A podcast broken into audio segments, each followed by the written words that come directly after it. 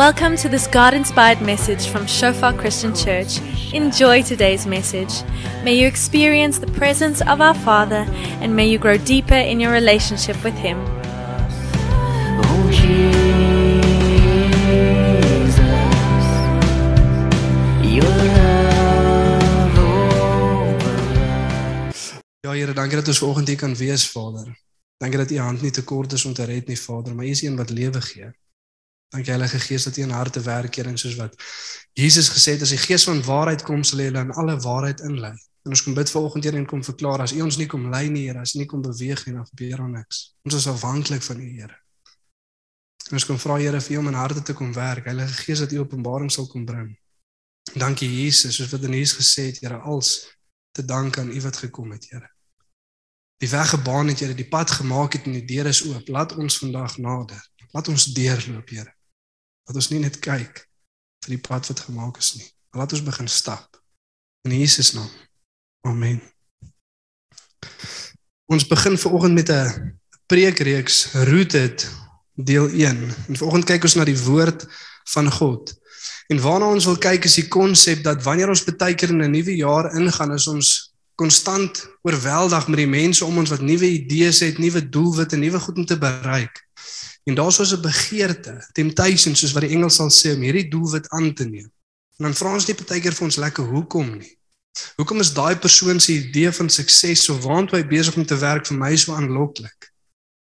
Is dit iets wat ek wil doen want ek wil God tevrede stel of is ek onseker in myself en ek dink dat as ek hierdie ding gaan doen dan gaan ek bietjie beter voel oor myself? Bietjie meer waarde toevoeg tot myself, bietjie meer identiteit hê. Hoekom doen ons wat ons doen? Jy weet, baie keer dan is dit maar net 'n in die hitte van die oomblik ding. Ons doen dit maar want dis nou die tyd van die jaar wat mense so iets doen. Ek onthou 'n paar jaar terug bel ek my ouers ook so in die Januarie tydperk en hulle antwoord net die foon en ek wonder toe nou nogal, jy weet, waarmee is hulle besig? Ruk later bel my pa terug, hy's uit asem uit. Ek sê, "Jesus, wat wat maak Paul?" En hulle het bietjie gaan stap. Dis nou die begin van die jaar, almal is besig om te oefen en ons gaan ook deel hê hierin. En ek vra toe vir my pa, "Oké, maar hoe lank gaan hierdie gestappery aanhou?" En my pa wat baie eerlik en deursigtig is, sê toe vir my, "Seker nie te lank nie."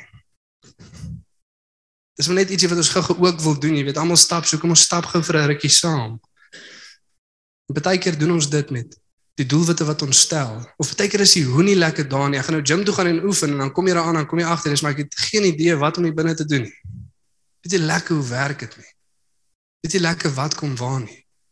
En dan werk dit nie vir ons uit nie. En baie keer is die hoe daar, die hele plan is uitgedink, maar tog hardloop ons uit motivering uit want ons weet nie regtig hoekom doen ons wat ons doen nie. Gegrond in wat? Wat is die rede dat jy doen wat jy doen? Jy weet dan as dit kom by geestelike groei, glo en vertrou ek dat ons ernstig is oor die doelwitte wat ons stel of die groei wat ons wil maak. En een ding van Christendom is God het nie nuwejaarsvoorneme nie. Sy plan is nie anders vir die kerk as laas jaar nie. Hy wil nog steeds disippels maak van nasies. Hy wil nog steeds red wat verlore is. Hy wil nog steeds genees en kom heel maak en kom lewe gee. Hy wil dit nog steeds kom doen. En vir ons as Christene moet 'n nuwe jaar nie die motivering vir ons groei wees nie, maar dit lê bietjie dieper as dit. Maar wat 'n nuwe jaar wel bring is 'n tydperk wat ons ten minste oor kan reflekteer. En die vraag kan vra maar hoe het ek gedoen? En hoekom het ek gedoen? En as dit kom by geestelike groei wil ons hoofsaaklik in twee areas groei. Dis karakter en bediening. As ons sê ek wil soos Jesus wees, of what would Jesus do as ons daai tipe vrae vra dan dink ons aan daai twee areas. Karakter hoe Jesus was en bediening wat Jesus gedoen het. Want hy het 'n bediening kom laat grond skiet en hy roep ons om aan te gaan met dit. Hy die fondasie kom lê en ons moet nou op dit bou. Disippels gaan maak van nasies kerke uitplant gesinne verander dorpe verander met die goeie nuus van die evangelie En as dit kom by bediening, dan is dit baie makliker om dit te meet of te kyk hoe is ek besig om te doen. Maar by karakter bietjie moeiliker. Maar nog steeds moet ons onsself die vraag vra: Hoe gaan ons groei? En hoekom wil ons groei? Voorbeeld, ek en my vrou ons sit bietjie vas, ons het konflik. En ewe skielik raak ek 'n bietjie meer opgewonde as ek veronderstel is om te raak. Verstaan gewone mense, hulle beklein, hulle skree op mekaar, maar 'n pastoor raak opgewonde en het konflik. Klink bietjie beter. Dis nie dieselfde nie. Terwyl ek en my vrou bietjie konflik beleef en ek raak 'n bietjie meer opgewonde as wat ek veronderstel is om te raak. Deur die genade van die Here is daar eenheid en daar's verzoening. En soos wat ek by God sit en ek sê, "Jesus Here, jammer, vergewe my. Ek bely my sonde voor U." Dat ek nie genade het met my vrou nie, dat ek sukkel om my lewe neer te lê. Dat ek nie nederig en sagmoedig is met die een wie vir my gegee het nie. En soos wat ek daai belydenis maak, besluit ek op daai oomblik, ek is nou geduldig. Ek weet nie wie van julle dit al gedoen het nie. Iets gebeur of jy reflekteer op iets of is nou 'n nuwe jaar en laas jaar was die dissipline nie lekker daar nie. Ek het nooit regtig daai boek gelees nie. Ek het nooit regtig daai program gevolg nie, maar nou is ek gedissiplineerd. Hoekom weet niemand? Maar ek is nou. En dit lyk belovend in die begin en daar's vrug wat gedra word. Dit lyk of dit opkom, Maar die eerste keer as ons bietjie weerstand of teenstand ontmoet of eerste struikelblok kom in, dan val alles plat. Jesus verduidelik dit soos volg. Hy sê in Matteus 13 vers 5 tot 6 praat van die vergelyking van die saaier, die saad is die woord van God. En dan sê dit in 'n ander deel het op rotsagtige plekke geval waar daar nie baie grond was nie en dadelik het dit opgekom. Jy sien geestelike groei is nie iets wat dadelik opkom nie. Dis nie iets wat ek vandag besluit môre is dit daar nie. Ek jy, jy kan nie gou-gou die Bybel gaan deurlees nie. Dis goed wat lank vat. Sê veronderstel net ewe skielik daar te wees nie. Ja, as God ons kom red dan initieel is daar 'n proses wat hy vinnig laat gebeur en 'n verandering wat vinnig plaasvind. Maar van daar af is dit stelselmatige groei. Word vergelyk met bome. Die vakansie was ons by mense daar in George van Sofa George en daai kant en hulle het bome agter in hulle erf, vrugtebome. 5 jaar terug geplant En dit mag dalk eers oor 2 of 3 jaar begin vrug dra. En dan 'n bietjie en dan bietjie meer. Maar dit gebeur nie oornag nie. En wie sou sê dat dit het dadelik opgekom omdat daar geen diepte van grond was nie. Maar toe die son opgaan, is dit verskroei omdat dit geen wortel gehad het nie. Het dit verdroog. En ons voornemens en ons besluite wat ons neem lyk baie keer bietjie so. Ek was vir 'n rukkie geduldig en toe ewe skielik glad nie meer. En Jesus is besig om te verduidelik en vir sy disippels te sê later in daai hoofstuk, julle kan dit gaan lees, maar die rede hierso is die motivering is oppervlakkig. Dis die vlak grond, die rede hoekom hierdie mense wil doen wat hulle doen, is nie gegrond in goeie grond nie. Ons nie diep wortel geskiet nie. En verduidelik Jesus, hierdie mense is die mense wat die woord van God aanhoor en aanneem omdat dit gemaklik lyk. Jesusie, dit is lekker om Jesus te volg. Dit is voordelig. En ek wil om verskoning vra vir oggend. As iemand aan jou 'n evangelie verkoop het wat sê volg Jesus en hy sal jou lewe regmaak. Volg Jesus en hy sal jou gee wat jy wil hê. Volg Jesus. En jy sal jou hart se begeertes kry. Dis nie die evangelie nie. Almal wat God vrugtig vir lewe sal vervolg word. As jy my volg, sal die moeilikheid in hierdie wêreld hê, maar skep moet ek dit in die wêreld oorwin. Hulle sal my haat en hulle sal jou ook haat. Jy sal verdrukking en vervolging ontvang. Lê jou lewe leer. Tel jou kruis op volg my. Dis die evangelie. Dis nie jou beste lewe nou nie. En Jesus sê hierdie mense dink hier's voordeel. Kyk hoe lekker belovend klink hierdie boodskap. Daar's genesing en daar's herstel. Maar die eerste oomblik wat dit bietjie moeilik raak of God verwag van ons om opofferings te maak, dan s'hulle weg. Verder verduidelik Jesus van die grond met die onkruid in met die dorings in. Dis die sorges van hierdie wêreld. Ja, daar mag dalk 'n begeerte wees om God te volg, maar die begeerte van die wêreld oorheers daai begeerte heeltemal. Hoeveel keer het ons dit al gesien, 'n man of 'n vrou wat in kerk en kom, God begin volg en dan kom daai verhouding, daai man of vrou wat God nie ken nie. En die Here sê los die sorges van die wêreld, maar daai begeerte is te groot, weg is hulle. Dit versmoor die vrug.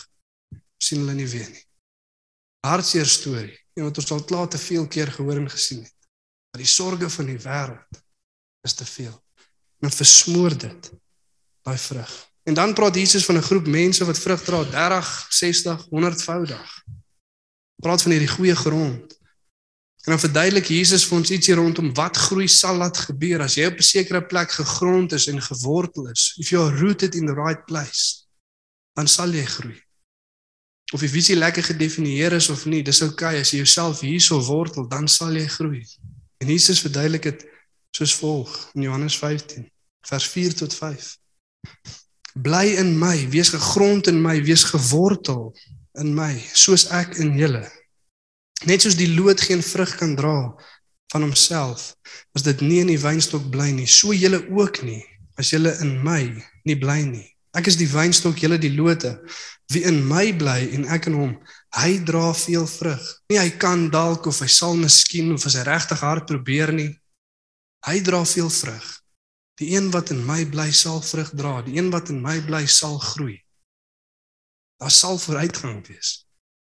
Dis onmoontlik om in God gewortel te wees, die een wat lewe is en nie te groei nie. En dan sê dit weer sonder my kan jy niks doen nie. En dis 'n eenvoudige waarheid wat ons almal kan verstaan en begryp. En belangrik om te let daar sodat Jesus sê ons kan niks doen sonder hom nie. En hy beteken nie fisies niks nie. Jy kan opstaan, jy kan werk toe gaan, jy kan selfs jou Bybel lees, jy kan self 'n lied sing. Jy kan 'n gebed bid, alles sonder God. Alles sonder Jesus. Maar wat Jesus sê is die dag kom wat hierdie wêreld vergaan en die nuwe hemel en die nuwe aarde kom, sal dit wees asof daai goed nooit bestaan het nie. Elke ding wat nie deur Jesus en vir Jesus gedoen is nie, sal in ewigheid geen waarde hê nie. Dit sal wees asof dit nooit daar was nie. Kan jy dink hoeveel mense so lewe? 'n Lewe leef wat een of ander tyd nul gaan wees, asof dit nooit daar was nie. En Jesus sê ons kan so lewe en is hierdie stuk skrif waar ons moet hoe en hoekom toepas. Want baie keer lees ons dit en sê okay, ek gaan nou in Jesus bly. Okay, maar hoe gaan jy dit doen? En hoekom wil jy dit doen? Baie belangrik. Ons lees in Kolossense 2 is nie op die bord nie vers 6 en 7. Dit sê soos julle die Here Jesus Christus aangeneem en ontvang het, loop in hom gegrond en gewortel opgebou in hom. Deur die geloof, soos julle geleer het. En hoe het hulle geleer? Wat het ons geleer? Jy sien ons 'n paar dissiplines en ritmes wat Jesus vir ons gee om in hom gewortel te bly. En ons gaan na een van hulle kyk vandag en dis wat ons in die begin gesê die woord van God. Paulus skryf vir Timoteus in 2 Timoteus 3 van vers 10 tot 17 die volgende. Dan sê hy: "Maar jy, hy maak 'n kontras. Hy het net 'n sekere groep mense verduidelik, mense wat in die wêreld gewortel is. En hulle dra sekere soorte vrug nie godsvrug nie. Jy weet een van die stellings wat daar is om maak weer dat in die laaste dae sal daar swaar tye kom en woelige mense. Mense wat behep is met hulle self, lief vir hulle self. Jy weet nou as ek in die tye dink waarin ons lewe, is dit nooit meer waar as nou nie. As jy op die nuwe generasie se foon gaan dan sien jy 1000 foto's van hulle self geneem deur hulle self om hulle self op social media te sit. Nou dit die behep is met jouself, dan weet ek nie wat is nie. Ons het nou al die selfie geïnvent. Ons is so lief vir onsself, ons neem onsself af. Om onsself te kyk en onsself op social media te sit. En dan verduidelik hy baie van die vrug wat hierdie mense dra, dan sê hy: "Maar jy, jy's anders. Ons wat geroep is om God te volg en hom gegrond en gewortel te wees, ons lyk anders. Ons doen goed anders. Ons motivering is anders." Sê maar jy het my navolger geword in leer, lewenswandel, planne, geloof, lankmoedigheid liefde, lydsaamheid, vervolging, lyding. Soos my te beerd geval het in Antiochië en Iconium en Lystra. Watter vervolging het ek nie al verdra nie en die Here het my uit almal verlos. En almal wat ook God vrugtig wil lewe in Christus Jesus sal vervolg word. Maar die goddelose, weer eens daai kontras. Mense en bedrieërs sal voortgaan van kwaad tot erger, hulle wat verlei en verlei word. Paulus is besig om te sê die persoon wat nie in God en in sy woord gegrond en gewortel is nie, sal verward wees in hierdie lewe. Mislei. Hy sal nie regtig weet hoekom, wat gebeur en waantoe ons op pad is nie. Maar, weer in sy kontras, maar bly jy, moenie laat dit met jou gebeur nie, bly jy in wat jy geleer het. En daai is die Griekse woord meno wat beteken remain, stay, reside. Neem woning op, skiet wortel, bly in wat jy geleer het. Wees gegrond in dit en waarvan jy verseker is omdat jy weet van wie jy dit geleer het. En wat het hy geleer? En dat jy van kleins af die heilige skrifte ken wat jou wys kan maak tot saligheid deur die geloof in Christus Jesus. Die hele skrif is deur God ingegee en is nuttig tot lering, tot weerlegging, tot teregwysing, tot onderwysing in die geregtigheid, sodat die mens van God volkome kan wees vir elke goeie werk, volkome toegerus. Dis 'n taamlike stelling wat skrif hierso maak. Wat sê vir elke woord en elke waarheid en elke bediening waarvoor God jou roep, sal die woord van God jou kan toerus. Daar's niks waarvoor God jou roep wat die woord van God jou nie voor sal toerus nie. Volkome. Jy sien in hoofstuk 2 van dieselfde boek dan gebruik hulle hierdie vergelyking van 'n huis. Dit is nie op die bord nie, hulle kan self gaan lees. Sit in 'n groot huis is daar baie bruikware. Party van hout en party van goud en silwer. Bruikbaar vir die meester, party vir eerbare werk en party vir oneerbare werk. Wie ook al homself een kan sit, reinig, heilig, toerus. Hy is bruikbaar vir die meester van die huis vir elke goeie werk. Hoe? Deur homself te grond in die skrif en dit is wat ons toerus vir elke goeie werk. Maar ons sien ons daarso woorde waarvan ons nie so baie hou nie. Ons hou van die woord lering, dis lekker. Onderwys en geregtigheid klink vir my goed. Weerlegging en teregwysing. Minder lekker. En jy sien om gegrond te wees in die woord is nie net om dit konstant te lees nie, maar om dit konstant te gehoorsaam. Want dit sê dit is nuttig tot, met ander woorde dit kan die volgende produseer, dit het die kapasiteit om die, die volgende in jou lewe te verwerk, maar jy gaan dit moet toelaat om dit te doen. Jy gaan moet toelaat dat die skrif jou teregwys. Jy gaan laat toelaat dat die skrif jou moet weer lê. Nou, as 'n Christen wat net tot geloof kom, gaan dit gereeld gebeur want ek verstaan nie wie God is of wat hy van my verwag nie. So ek gaan gereeld tereggewys word deur skrif. Lees in die boek van Jakobus is nie op die bord nie, maar 1 Jakobus, ag Jakobus 1:21. Dan sê dit ontvang met nederigheid die ingeplante woord van God wat jou siel kan red. Maar ontvang dit met nederigheid. Want as jy nie leerbaar is nie, gaan dit nie die effek in jou lewe wat dit veronderstel is om te hê. Inteendeel gaan Jakobus aan dan sê moenie net die woord van God aanhoor nie, maar doen dit ook. Want die een wat dit hoor en dit nie doen nie, mislei homself. Jy sien skrif is lewendig, dis 'n saad van God. Dit gaan iets produseer. So as jy dit hoor en jy gehoorsaam dit nie, dan produseer dit misleiding. Jy begin dink jy is iets wat jy nie is nie.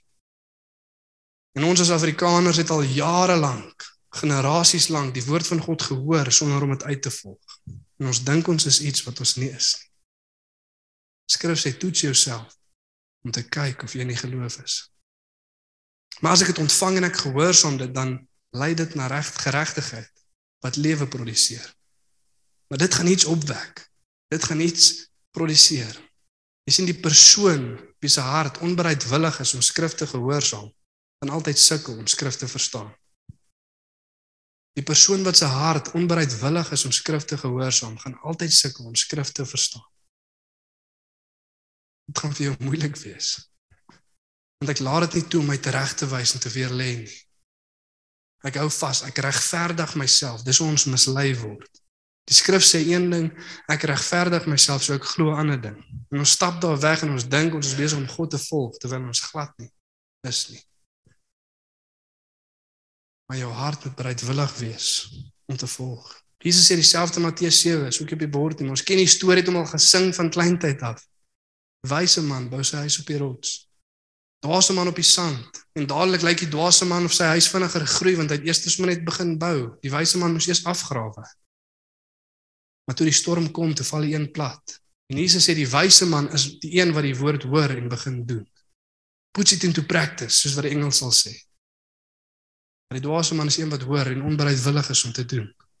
En dit wat hy bou en doen in lewe sal nie bly staan. Dit sal val. En soos wat ek al 'n paar keer vir ons gesê het, hopelik as jy jou huis op die sand gebou het, kom die vloedwaters vinniger as later. En dit klink sleg, maar die laaste vloedwaters wat teen 'n huis sal losbreek, is die oordeel van God. En op daai dag mag ons op die rots gebou wees. En op daai dag kan ons nie oorbou nie. Dan is dit te laat, verby is klaar.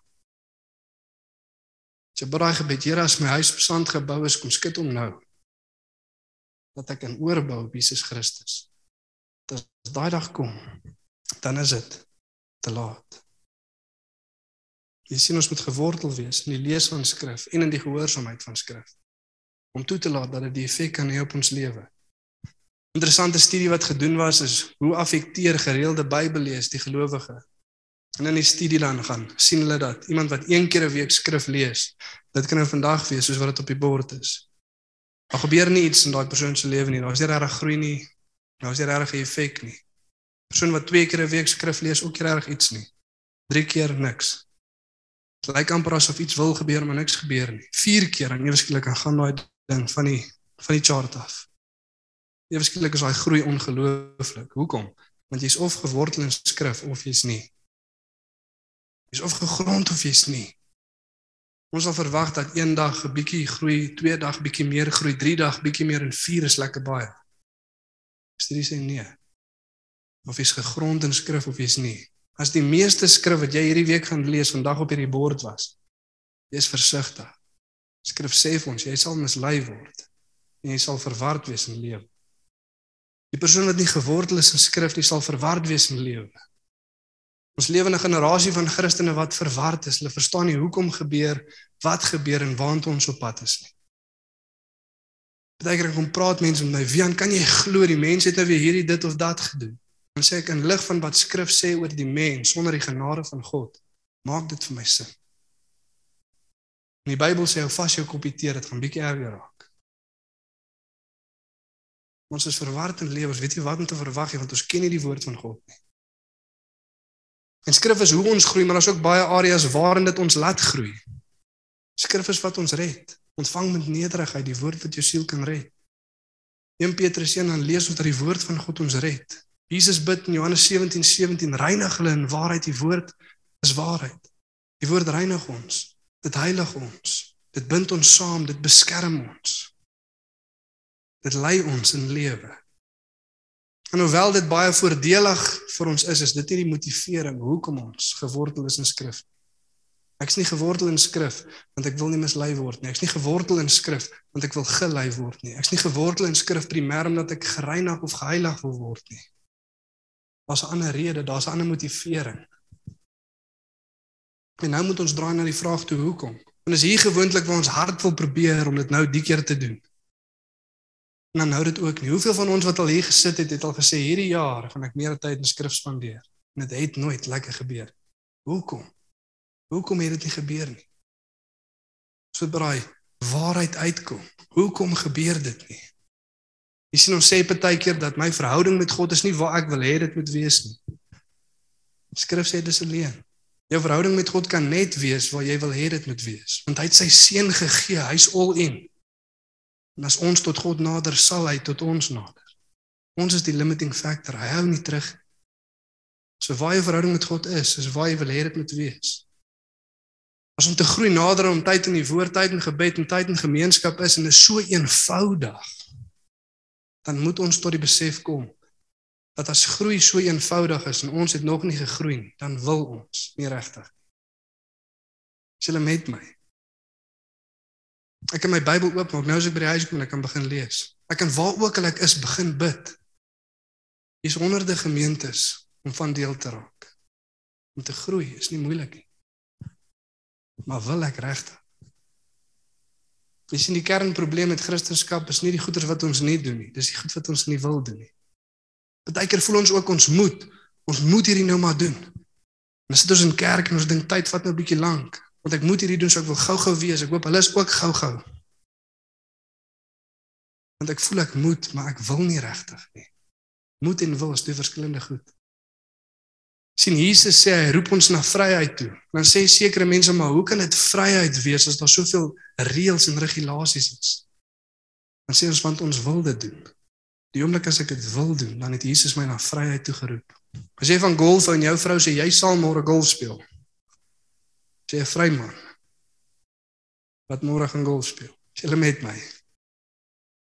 Sy stel 'n reël en maak daai reël graag volg. Ons 'n begeerte in my om hierdie te doen en dis vry vir my.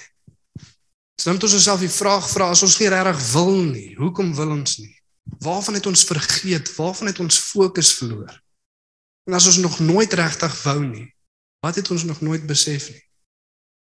Kyk wat skryf Paulus in Filippense 3 vers 8. Hy sê ja nog meer, ek beskou alles as waardeloos. Want om Christus Jesus my Here te ken, oortref alles in waarde. Terwille van hom het ek alles prysgegee en beskou ek dit as verwerplik sodat ek Christus as enigste bate kan verkry. Jesus om Jesus Christus my Here te ken, dit oorskry alles in waarde, die begeertes en die dinge van hierdie wêreld maak nie vir my saak. Dis eenkant gesit. Dit is waarna ek verlang. Dit is wat ek wil hê. En dan vra ons vir Paulus hoekom? Hoekom dink jy so?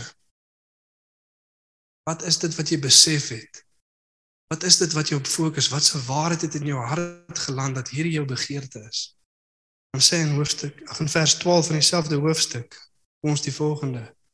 Ek sê nie dat ek alles of die doel al bereik het nie, maar span my in om dit alles myne te maak, omdat hier's die rede, hier's wat ek verstaan, omdat Christus Jesus my reeds syne gemaak het. Omdat hy my reeds syne gemaak het, sien nou skuif ons van vlak grond na diep van geen wortel na gewortel nie. Paulus vra, besef jy wat het op daai kruis gebeur? My motivering is nie sodat ek nie verward kan wees in lewe nie.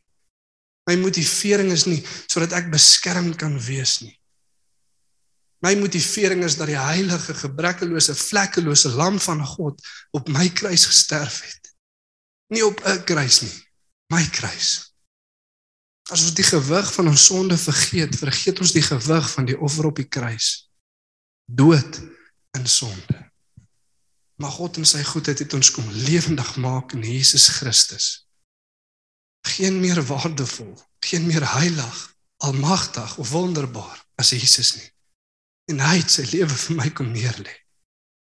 En 'n vraag, het jy geen begeerte om die God te ken wat jou gered het nie? Hoe is dit moontlik? Hoe is dit moontlik om te sê ek het die openbaring van wat op daai dag gebeur het? Wat letterlik tyd definieer. Hierdie is jaar 2022 hoekom? Is die aarde 2022 jaar oud nee. Wat het gebeur? Jesus Christus het mens geword en vir my en jou kom sterf. Dis wat gebeur het. En voor daai tyd, die dag of die jaar voor Jesus is nie die jaar 6041 nie, dis 1 jaar voor Christus en 2 jaar voor Christus en 3 maar als wys na hom toe. Als wys na wat hy kom doen het toe. En vanoggend moet ons vir onsself vra, besef ons, het ons dit nog voor oë? Het ons al ooit besef wat op daai kruis gebeur het? Soos Denise gesê het, besef ons, wat as Jesus dit nie kom doen het? So daai liedjie wat ons gesing het, wat is ons Jesus sonder die kruis, sonder die bloed? Ons is niks en ons is in die moeilikheid bestem vir straf en die hel vir ewigheid. Maar God in sy genade. Maar God in sy genade. Sien Jesus gaan eet by 'n Fariseer se huis en dan kom 'n vrou en gooi salf op sy voete uit en die Fariseer dink by homself as hy geweet het wat 'n vrou hierdie was, sou hy nie dit toegelaat het nie. En Jesus dink as jy geweet het wat 'n man jy was, het jy dieselfde gedoen. Besef jy nie? Kyk na hierdie vrou. Jy dink jou sonde is min werd waar die storie gaan. Een skuld skuld 500, een skuld 500 000. Albei is vergewe. Wie het die meeste lief? Die een met die grootste skuld vergewe. En Jesus sê hy's reg want hy wat baie vergewe is, het baie lief. En ek en jy is nie minder of meer vergewe nie, maar die gewig en die betaling van die sonde is die dood. En ons was bestem vir die dood. En Jesus moet vir elkeen kom sterf en sy lewe gee, die heilige vlekkelose seun van God.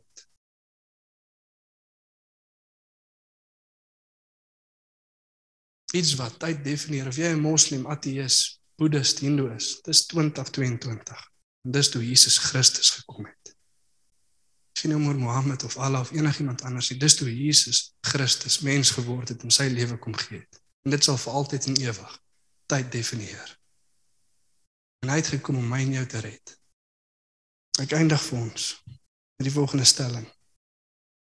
Ek is gewortel in die woord want ek begeer bo alles om die God te ken wat my gered het. Ek is gewortel in die woord want ek begeer bo alles om die God te ken wat my gered het. Kom ons staan vanoggend en dan bid ons saam.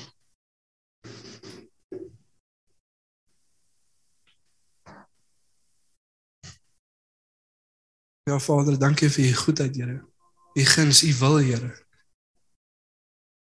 Piet die seun gestuur en Jesus het gekom. En self deur die Gees geoffer aan die Vader vir ons, Here.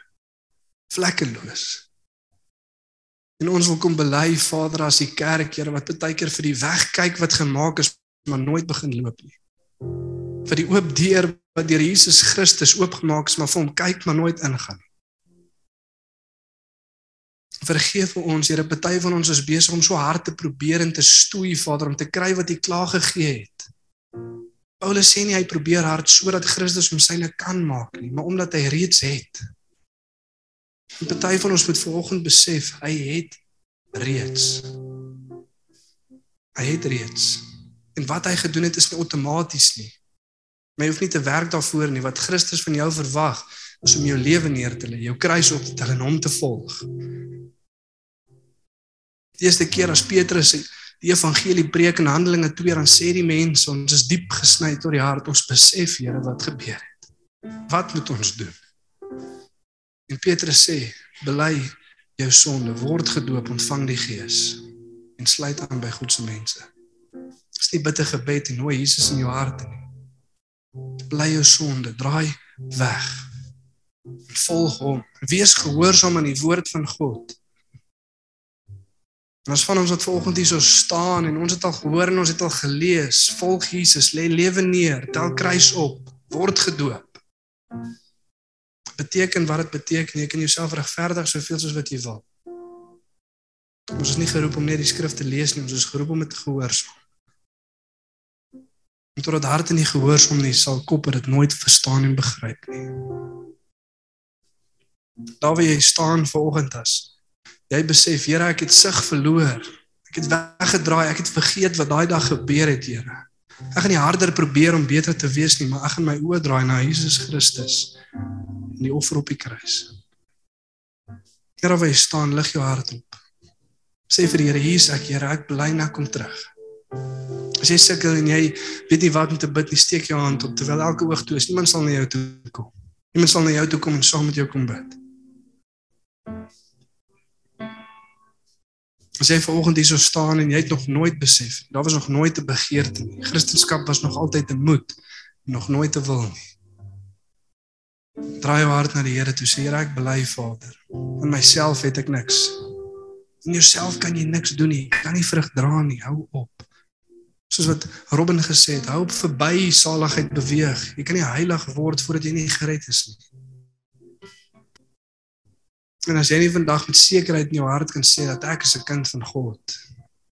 Skrif sê almal wat deur die Gees van God gelei word, hulle is kinders van God. Maar die wat nie die Gees het nie, is nie kinders nie. As jy nie met sekerheid in jou hart vanoggend kan sê dat jy is 'n kind van God en dat jy het die Gees van God en dat hy besig is om jou te lei, nie net waar jy is, lig jou stem na God en sê Here Jesus. Ek bely en ek volg en wat ook al hy vir jou sê om te doen, doen dit. Wees gehoorsaam. Weerens as jy nie weet wat om te sê nie, Here, waar jy steek jou hand op, iemand sal na jou toe kom en saam met jou kom bid. Ja, Here, dankie Vader vir gebede wat volgende opgaan in hierdie plek, Here. Vir harte wat terug na U toe draai, Here. Ons is nie hier om harder te probeer nie, Vader.